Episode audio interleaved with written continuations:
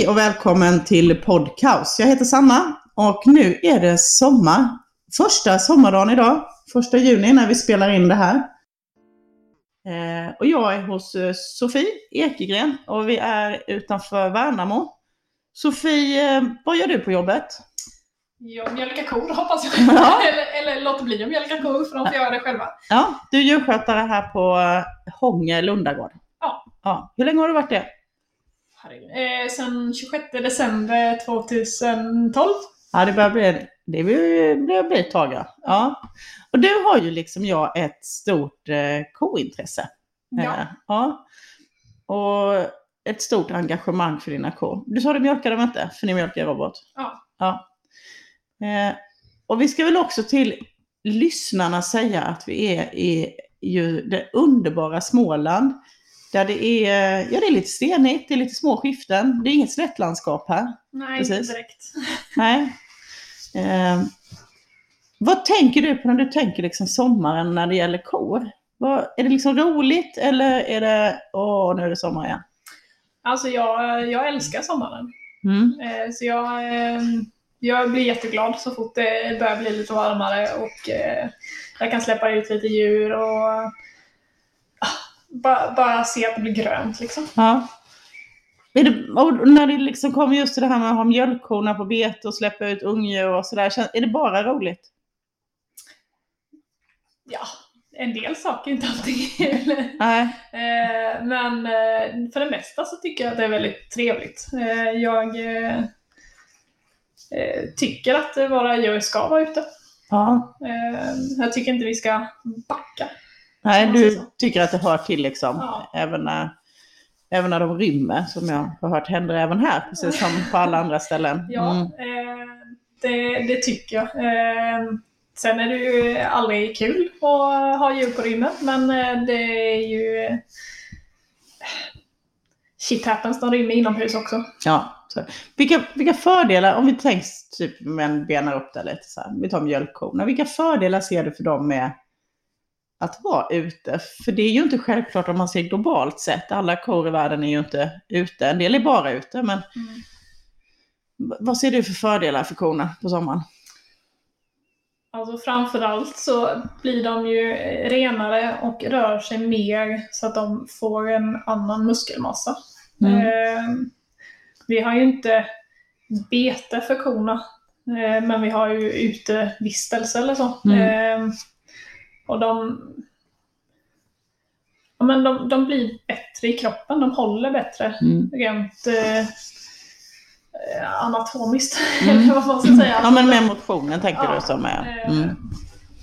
Precis som vi mår bättre av att röra på oss mycket och eh, gå lite fler steg om dagen så, så gör även korna det. Mm. Och då sa du, ni har inte produktionsbete, så det är egentligen de är utanför lagården Mm. framför allt. De går inga jättesträckor eller så, utan det är Nej, mer... eh, De går på tre hektar ungefär. Ja, Eh, Hade jag kunnat ha dem på produktionsbete så hade jag väl haft det. ja, Men eh, just nu så är inte det möjligt. nej. Och det är ju intressant att säga just det här med att de rör sig mycket, för det vet man ju är viktigt för kor. Och då kan man ju tycka att de kanske gör det i lösdrift, men det är klart det blir färre steg. Utan tvekan blir det ju oftast det. Ja, det är halare i gångarna även om man bygger och det är rillat och alltihopa så är det halare än vad det är Ja. ute. Eh, Det går inte upp och ner så mycket även om det har en övergång eller en spaltdel eller så så blir det, eh, blir det inte samma sak. Mm. Nu tyckte jag hunden här bredvid att det var för tråkigt det vi pratade om. Så, så. Eh, nej men så är det ju. Jag tänker på en annan sak som man har forskat lite på. Det är ju det här att ett bra liggbås, och det vet kanske en del att, att jag är oerhört intresserad av hur liggbås ska se ut. Men även ett bra liggbås har svårt att mäta sig mot att kunna lägga sig en bra bit från alla andra och, och just den biten att kunna ligga och vila fritt och eh, eh, lätt. Eh, då har man sett i studier att det är ju väldigt positivt, inte minst för de korna som är lite utsatta, alltså som riskerar att bli loserkaos liksom. Eh, Ja, även direkt efter kalvning och det. Alltså, ja, det, det går att ligga man bara lägger sig Ja. rakt ner. Ja. Och det, alltså, man kan välja lite om man vill ligga inne eller ute. Eller, alltså, för vi har ju Mm. dörrarna öppna 24-7 på sommaren. Eh, Mm. vi har lite taskig, taskig mark. Eh, jag misstänker vi kommer in på det sen. Men Mm. eh, eh, så är det riktigt regnigt så, så stänger vi in Ah, korna för då blir Mm. det för kladdigt. Liksom. Ja. Eh, Men när det, funkar så har ni, när det funkar så har ni öppet hela tiden? Ja. Ja. Och där, om man tänker sig just att det kanske då blir ett, ett sånt liv för korna. Alltså era kor, går de in och blir mjölkade ändå? Eller är det ett evigt springande och hämtande dem? Eller? Nej, alltså vi, vi har ju egentligen samma rutin på det som Mm. på vintertid. Liksom. Mm. Eh, nu har vi ju ett fritt system även inne eh, och vi upplever det egentligen som att eh, så länge man inte har fullständigt fullproppat, alltså att Mm. roboten mjölkar kor precis hela tiden utan Nej. att det finns lite luft i systemet, då, eh, ja men den som kanske ligger lite lägre i rang eller så, hon, eh, Mm. hon kanske går och tittar, ah, det var många kor som Ja. korna äter istället. Istället Ja. för att stå i typ en Mm. samlingsfålla eller så. Ja. Eh, och bara vänta. Eh, nu går hon och äter, eller kanske lägger sig en halvtimme och sen så går hon tillbaka till roboten. Och så funkar det ju egentligen när de är ute också. Ja. Eh, men då kanske hon inte går hela vägen ut. Nej, just det. Utan de, men de väljer själv Ja. och ser helt enkelt hur de vill göra. Eh, Man kan väl säga att antalet besök är lägre i roboten, men antalet mjölkningar är detsamma. Ja, okej. Mm, för- just det, för de gör inte så många icke-mjölkningsbesök. Och där är ju också intressant, för jag tänker, du har säkert också hört, liksom jag, att en del menar att det är jättesvårt att få, få robottrafiken att funka med bete och att det är, är väldigt svårt. Liksom. Eh, och för en del är det ju det, och jag tänker man får titta på, inte minst så tror jag att, att man inte ska glömma att kor är väldigt smarta och lättlärda.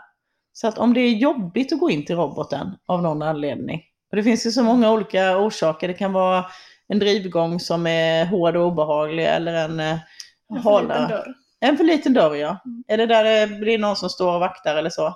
En för liten dörr eller en hal gång eller då gör man inte det. För då tyckte man Nej. inte det var något. Liksom. Ja, Vi har ju lite för små dörrar. Nu Okej. har vi ju ändå, ja, trafiken är ungefär densamma ändå, så det spelar ingen jättestor roll. Så men hade Nej. man kunnat önska så hade man ju haft större dörrar Ja. in och ut. Eh, sen är, jag tycker att man tänk, många tänker nog lite fel redan när man bygger. Ja.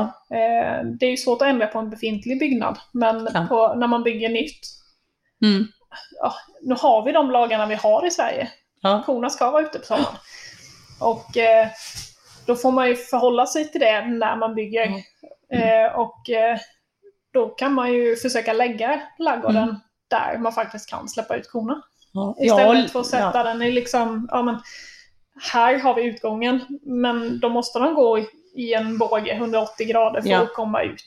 Eh, Ja, men jag tror just den logistiken är viktig och det kan ju också vara oavsett eh, ett lagkrav om framtid för det. Att, det ska vara lätt för kon att komma in och ut. Man kan ju vilja att utöver det eh, ha dörren öppen liksom. Mm. Och just det där att det är rakt ut och det är stora dörrar och det är lätt att komma in och ut ur ur ladugården är ganska viktigt. Inte minst för robotmjölkning. ja. Eller så. Eh, Sen känns det som, alltså, man ser ju lite om man ti- tittar på, i alla fall på våra kor, och, eh, de har ju lite olika mönster i rörelse beroende på hurdant vädret är. Ja, okej. Eh, spöregnade, Ja. då är det ingen ko ute. Nej, vill, nej, nej, det- nej, nej, jag håller med. Nej, det är riktigt, riktigt Ja. vet när- när de ja, mjölkar- det brukar ja. ändå vara liksom, även om det regnar lite, ja, är det där Mm. jättefina regnet då ligger de ju kvar ute. Men, men annars alltså, regnar det så här, går de in. Ja, Eh, och vi har ju ett isolerat stall, inga fläktar. Och är det varmt ute så går korna in. Mm. Alltså de styr det rätt så bra själva så länge Ja. man ger dem möjligheten till att det är ett stabilt klimat inne. ja. Så är det ju. Och det beror ju också på, här har ni ju lite skog och ni har inte alldeles platt och slätt. Men det är klart att, att är det skugga man vill komma åt så har man ju det inne. Eh, Mm. Och det tror jag man kan vara ganska säker på idag att, att just 24, när det gäller robotmjölkning så är öppet så stor del, alltså att ha samma öppet och ha alltid öppet är, eh, Ja, det är ju egentligen inte så stor skillnad eh, i mina ögon i alla fall. Eh, Utökad jag- liggavdelning helt enkelt. Ja, sen, Ja. sen kan jag ju alltså... eh, Har du en, en jättestor robotladugård med Mm. flera kor eh, och flera robotar framförallt så eh, Mm. då sätter du oftast robotarna i samma ände i alla fall. Ja, Och då kan du ha alltså, många kvadratmeter ladugård. ja, Men korna går ändå till roboten. ja. Eh, så varför ska de inte kunna göra det när de har en utedel? Nej. Men där är det nog mycket om det är lätt att gå hem så att säga. Och där har man ju tittat lite på det också. Någon studie visade att, att de ska se ladugården. Och det kan ju vara lite klurigt när det är mycket skog och de ska svänga hit och dit. Men gör de det att de faktiskt gärna, om det inte är jobbigt att gå in, alltså obehagliga drivgångar. Hur har ni gjort? Har ni gjort något med drivgångarna eller precis in och ut? Vid, utan det funkar liksom? Ja, eh, Ja. vi har lite problem med att det blir kladdigt utanför. Just nu Mm. kör vi med lite eh, grövre grus. Mm. Eh, som dränerar lite bättre. Ja. Så får vi se hur det funkar. Ja, om det inte blir för vasst. Det märker man ju. Ja. Ja, ja, Eh, ja. men eh, Mm. Men mjölkkorna funkar helt enkelt kan man säga. ja, jag tycker det. Sen finns det ju en spännande aspekt i det och det är att man ju nästan aldrig pratar om att mjölkkor kan ha parasiter eller kan påverkas av malt tarmparasiter. Eh, och där kan det ju vara en framtid i det också tänker jag, eller att vi skulle kanske kunna titta just på din besättning här med i höst och så, det är ju att man kan ju ta tankmjölksprov och se om korna är belastade av den parasiten som vi kallar för osteotaga. För den, det vet man att det kan sänka mjölkavkastningen en del. Mm. För det blir ju permanenta beten. Ja. Eh, Och det kan även mjölkkor. Och det har då, det kan man lätt ta ett mjölkprov och så ser man hur mycket antikroppar de har. Mm. kan vi göra en uppföljande program. Det kan vi göra. på, ja. Eh, Det är, för vid eh, vintertid så betar hästarna den Ja, hagen. Mm. Så att eh, förhoppningsvis är inte det smittrycket ändå jättestort. Nej, förmodligen inte. Eh, Mm. För hästarna går där, ja, i år gick de där till, till och med mars. Ja, och då rensar de ju av, de dammsuger upp en del av, av Ja, de- eh, smittan på ja. våren. Och Mm. vi betesputsade den Ja. hagen innan, Mm. alltså då när vi hade stängt in korna Mm. eh, i höstas. Så Mm. putsade vi den med betesputsaren och sen så har hästarna gått där. Ja. Eh, ja, men det är jätteintressant. Sen kan man ju också säga att det finns ju små tricks och tips som jag tror att de flesta tänker på. Men nu vet vi inte här, det är första juni, det har inte varit någon värmebölja ännu, det kan det ju bli. Men så är det ju vatten och salt egentligen. Eh, för en ko som mjölkar mycket, det är klart jag gör med en enorm mängd eh, vatten och även salt. Eh, och det där är ju en kamp lite grann att få till. Så att det finns tillräckligt och så att många kan dricka. Kor vill ju dricka flera samtidigt. ja, Hur har ni löst det? Vi har eh, tre stycken vattenkar i Mm. dagsläget. Och Mm. all, allt vatten är inne. Mm. Eh, Dras de in lite av det också ju? Ja, Mm. eh, sen eh, har vi ju plan på att sätta in en till Mm. vid roboten. Men den är ju egentligen mest för, för robottrafikens skull. Ja. För just nu så har vi bara ett kar i Ja. den änden. Eh, och jag tror inte att just det karet hade gjort sådär jättemycket Nej. till eller från på, på betes Nej. eh. Men man vet aldrig. Nej. Och där är det ju lite intressant för det är ett sånt där litet tricks också när det gäller robotar. Om man vill att de, eller tycker inte att de går till roboten så kan man ju ha en sån här plastkrubba eller så med löst salt. För saltsten ska man eh, nästan gnaga av bitar, det kan ju inte kor. Eh, om man Jag tycker har det går rätt mycket saltstenar ändå. Ja, jo, men då kämpar de ju på. Ja. Liksom. Men en ko med ett rejält saltbord kan gärna ha löst salt och då kan man ha det vid roboten. Då går de liksom dit Mm. för det en gång och kommer förhoppningsvis på Vi att de... har ju ett eh, tråg med Mm. salt i, eh, bra. i liksom, eh, robotänden av ladugården. Eh, Lysande ju. Mm. De får i sig. även om det är saltstenar. Ja, de, får, de är lite ihärdiga här, de småländska korna, och får jobba Ja, för nej, sig. men de, Ja. de gör ju åt en fyra, fem, sex Ja. saltstenar i veckan. Ja, Så att Ja, eh, rejält. det mm, plockar ju på det. mm, det gör det. Men det, det är ju mjölkkorna där, om jag förstår det rätt, så får ni det att funka ganska bra. Mm. Eh, och ni tycker att det liksom går bra. Sen era ungdjur, de tänker att ni har precis som man brukar ha i de här delarna av Sverige, utkörda lite här och där på beten. Och vi Ja. ska väl inte glömma att de förmodligen gör ett jobb på så vis att de betar beten med, med någon typ av miljöstöd eller med ersättning. Ja, på. det är väl Mm. egentligen allt Ja. utom två hagar eller någonting. Mm. Eh, Så det är väl eh, fem Mm. hektar eller någonting Ja. som inte ingår i det. Nej. eh, Som det ser ut idag. Vad har ni för strategi där då? Alltså de, ni släpper ut dem, de är sex månader, de är pyttesmå. Nej, vi släpper faktiskt lite tidigare. Ja, ännu tidigare? Ja. Ehm, Men eh, i år lägger vi nog om den strategin lite. Så att nu på försommaren eller sommaren, eh, när gräset är som bäst, Bäst ja. då Mm. låter vi fortfarande de absolut yngsta och yngsta, men alltså de här som är helt klart avvanda och verkligen Ja. äter. Ja. Eh, vi går inte så mycket på åldern utan mer på Att de hur de beter sig. Liksom. Mm. Ja, de, de kommer få gå ute, men Mm. eh, sen ska vi se om vi håller dem inne framåt hösten, för vi ser lite att de vi tappar Sen. eh, Mm. på de som släpps i augusti eller så. Ja, just det. Mm. Eh, men eh, vi har ju möjlighet att släppa direkt från kalvstallet och ut. Mm. Eh, där har vi liksom en kalvhage eller en sån släpphage eller vad man ja. ska säga. Eh, och nu har vi lyckats tömma kalvstallet nu, Ja. eller ungdjursstallet. Mm. Så förhoppningen är ju att det ska kunna gå tomt där Mm. i en månad. Ja. Eh, och att hästarna tuggar av. Det är bra. Eh, vi har ju fördelen att ha sex hästar. Ja, det är ju, man, jag tror att det är viktigt att man har några Eh, hästar. Ja, man ska alltid ha hästar. Ja, det tror jag är bra. Eh, men, eh, och så har vi ju då en unghäst här nu som har börjat tugga på lite träd så att hon är ju, Ja. förbi, eller, hon är ju förbjuden att gå på alla naturbeten. Ja, det är klart. Mm. Eh, så hon passar ju jättebra med sin kompis då till att gå och putsa Ja. Mm. Ja, för du säger ju någonting som är, för, för det är klart att jag som är på ett sjukligt sätt intresserad av betesparasiter och parasiter, så är det klart att en, en sån kalvsläpphage eller en som är rastgård, det kan ju vara en utmärkt lösning. Men det också finns ju en risk med parasiter i en sån hage. Och då Ja. tänker jag både på osteotaria och i värsta fall beteskoccidios. Mm. Liksom. Då behöver man ju ha en strategi för det. Ja, Ehm. eh, nu har inte vi haft vårt eh, betesplaneringsmöte med veterinären än, men eh, det, det kommer om ett par veckor. Ja. Eh, men just nu har vi ju så pass många hästar så att vi Ja. har två stycken som kommer gå som dammsugare på kalvhagar under Mm. hela sommaren. Ja.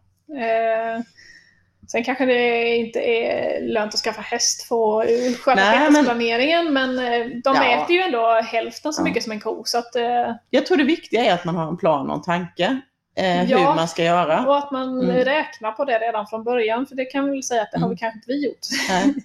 Utan att man liksom har en så strategi för ja, men hur kan vi göra för att släppa ut djuren och minska parasittrycket samtidigt. Eh, vi har ju flera hagar vi inte kan släppa de här små djuren i bara för att hagarna inte är lämpliga till det. Nej.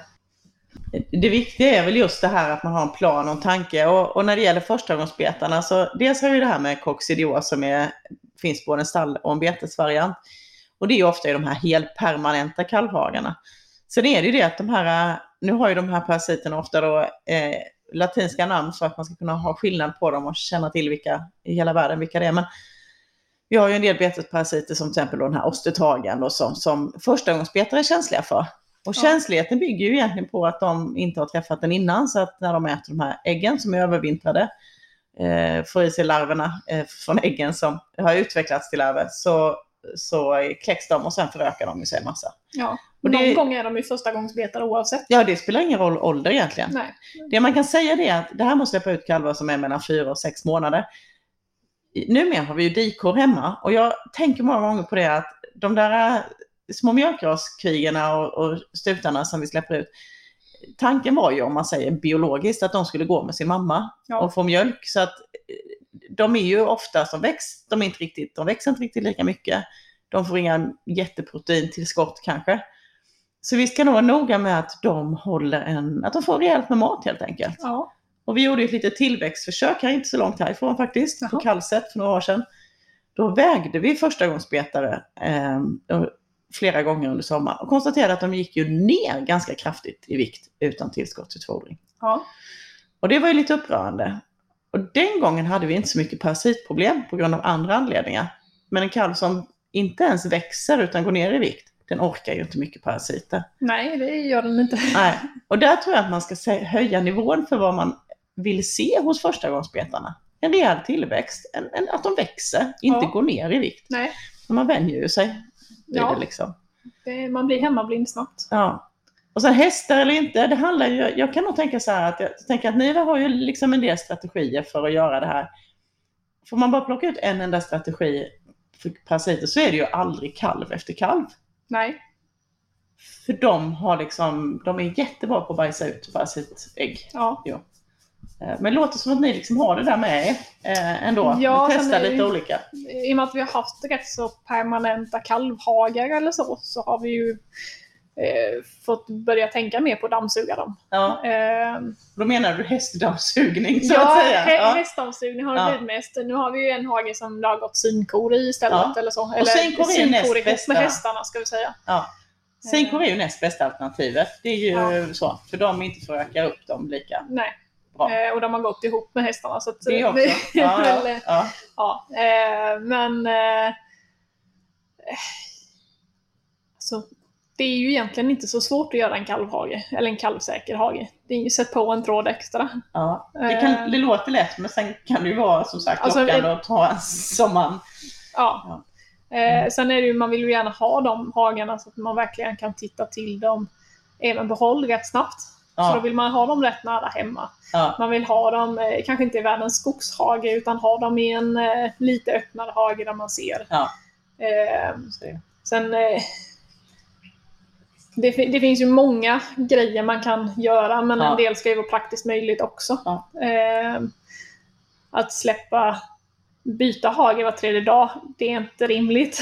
inte här i alla fall. Nej, men och så är det man har Eh. sina olika förutsättningar. Och ibland tänker jag att så har man väldigt goda förutsättningar med en kalvhage eller man, man har någon, någon där det passar väldigt bra förstagångsbetare. Eller, och det som är väldigt viktigt är ju också att följa upp, funkar det? Antingen med tillväxt, och det kanske inte känns så lockande att väga dem, men att mäta åtminstone i början och slutet av Ja. betessäsongen. Eller, för det. Och sen, ja, eller ja. alltså, vi har ju en besättningsveterinär, vi är i dagsläget inte med i vila, men vi, vi har en besättningsveterinär som kommer var fjärde till var femte Ja. vecka. Och jag menar, det är ju inte så svårt att fråga henne, kan du följa med ut och titta på våra utedjur? här, så hon får en blick av. Ja, liksom, för då får man någon Mm. som är utomstående Ja. och som liksom tittar på ens djur. det. Mm. Eh, precis lika väl som jag kan tycka att man kan prata med, med grannen kanske som har djur också Ja. och se liksom, ja, men, du, vi, vi har lite problem med detta, hur gör ni? Har ni Ja. samma problem? Eh, Det är vi, jätte, vi är jättemånga, som, eller många, många, men vi, vi är ju rätt många Ja. mm, eh, lantbrukare och eh, Hjälpas anställda. åt helt enkelt. ja, Eh, och dra nytta av varandra. Mm. Vi konkurrerar ju faktiskt inte med varandra heller. Vi, vi ska ju Nej. bara se till att... Det tror jag också och liksom. jag hoppas verkligen att man, liksom, att, man kan göra ett litet lyft tillsammans. Att, att de som lyckas få förstagångsbetare som växer fint och man löser sina problem nu. Alltså man, alla Ja. har man ju något problem någon gång. Att man hjälps åt att föra det vidare. Liksom. Ja. Och så är det väl det där med tryckprov är vi lite sådär halvbra på kanske ibland. Eh, har, har ni gjort det någon gång? Eller? Jag tog faktiskt igår. Ja, bra.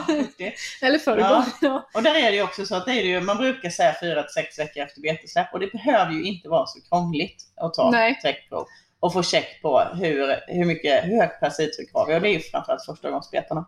Ja. Eh, Och följa upp avmaskningen. Ja, Vilket vi är annan- lite dåliga på. Ja. Men alltså, det, Precis. det på fårsidan är det ju intressant för att där gör man ju ofta ett sånt här kontrollprov och ser att, att avmaskningen faktiskt har tagits så att säga. ja. Det gör man ju sällan på nöt men det bör man ju faktiskt. Eh, Så är det. ja, eh, och se till att de har gott om bete.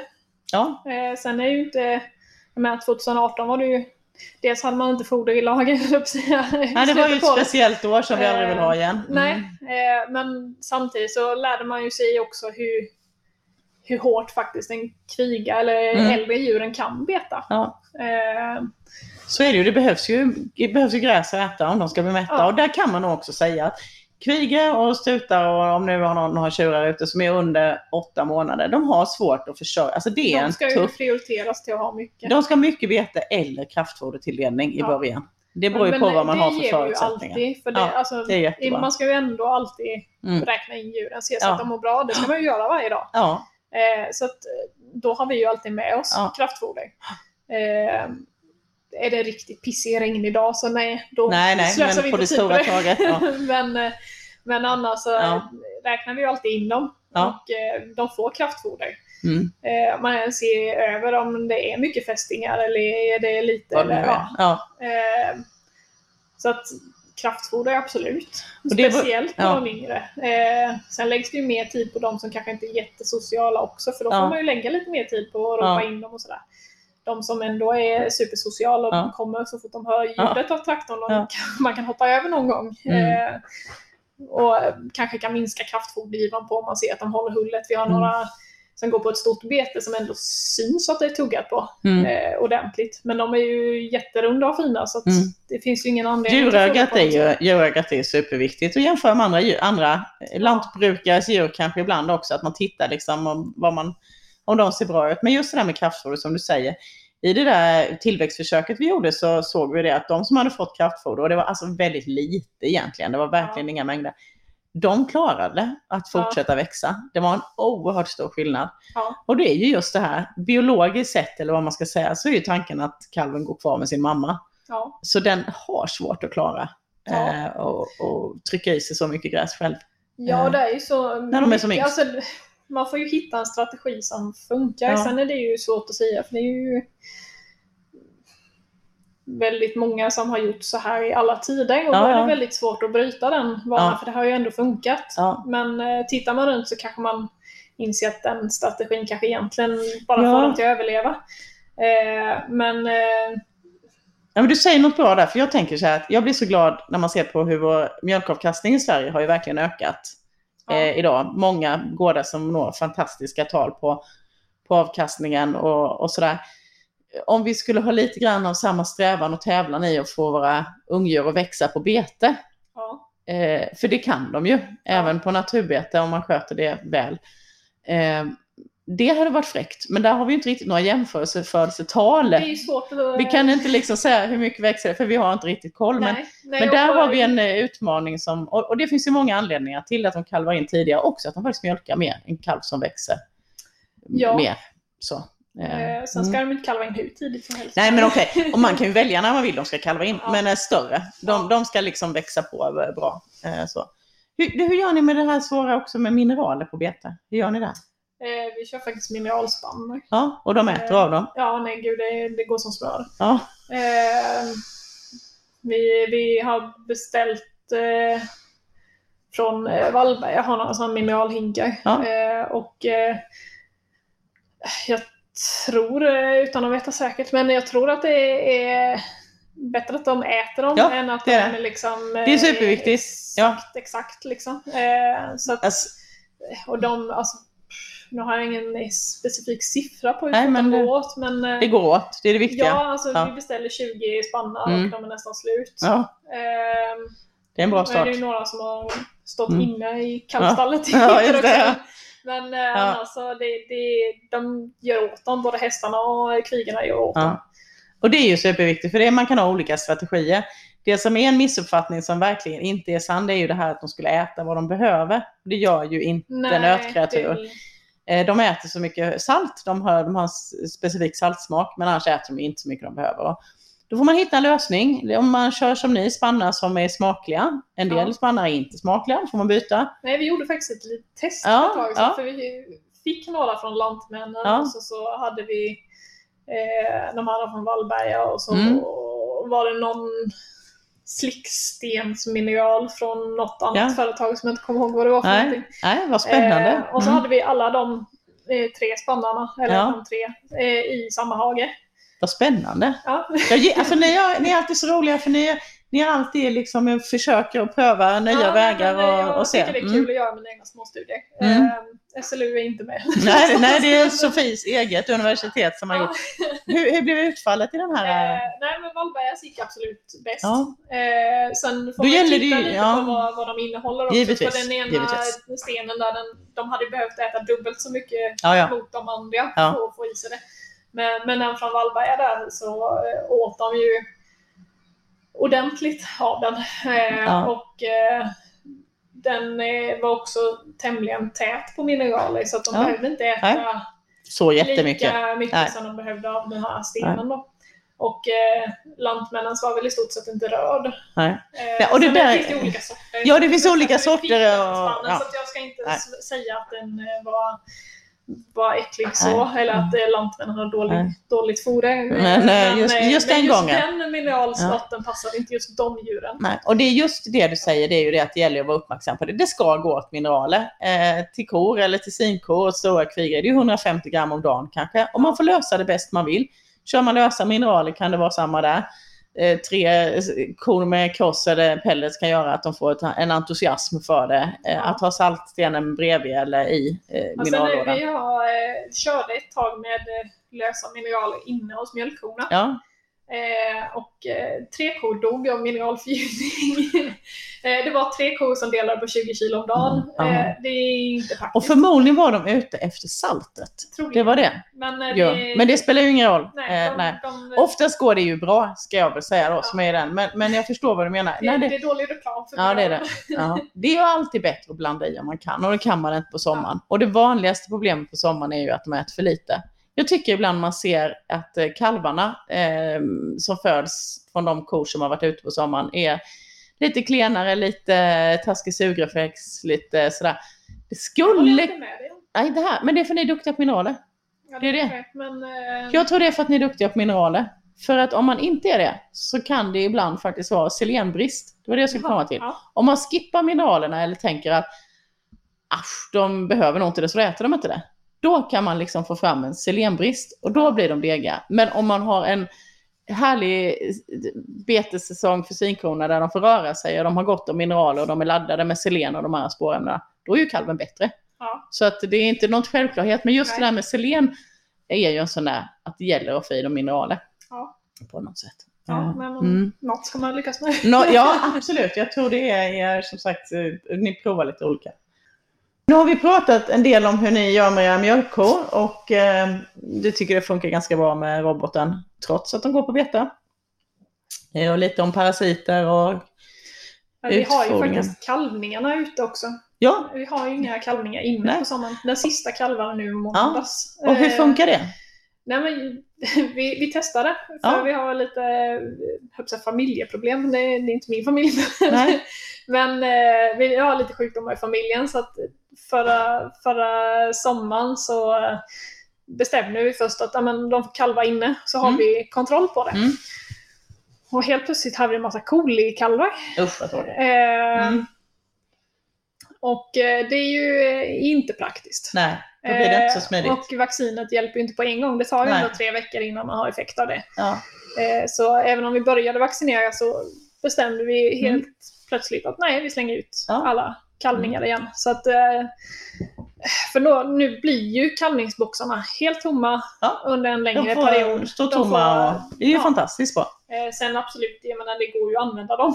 Om man behöver till Ja. någon som man behöver stänga in och så ja. ja. Men eh, vi har överlag väldigt smidiga kalvningar ute. Men då har ni dem ganska nära ladugården då? då? Nej. Nej, de Eh, vi- vi- socken. Eh, de, de är väl eh, över de mest välbevakade hagarna. Ja, för det var det säga. jag skulle säga. Ja. Eh, Ni ser dem och ni har koll på dem och de Ja, efter. och vi har Mm. eh, folk som bor i närheten, så även om inte själva hagen är Nej. nära oss eh, så, Ja. eh, så är det folk som oftast är markägare till, Ja, till hagen och som tycker att det är kul att det går djur Ja. där och håller det Ja. öppet. Eh, och eh, kollar. de är lite liksom kallvakt eller så. Ja. Så det, men är det något, så det kommer ni fortsätta med att ha kalvningarna ute?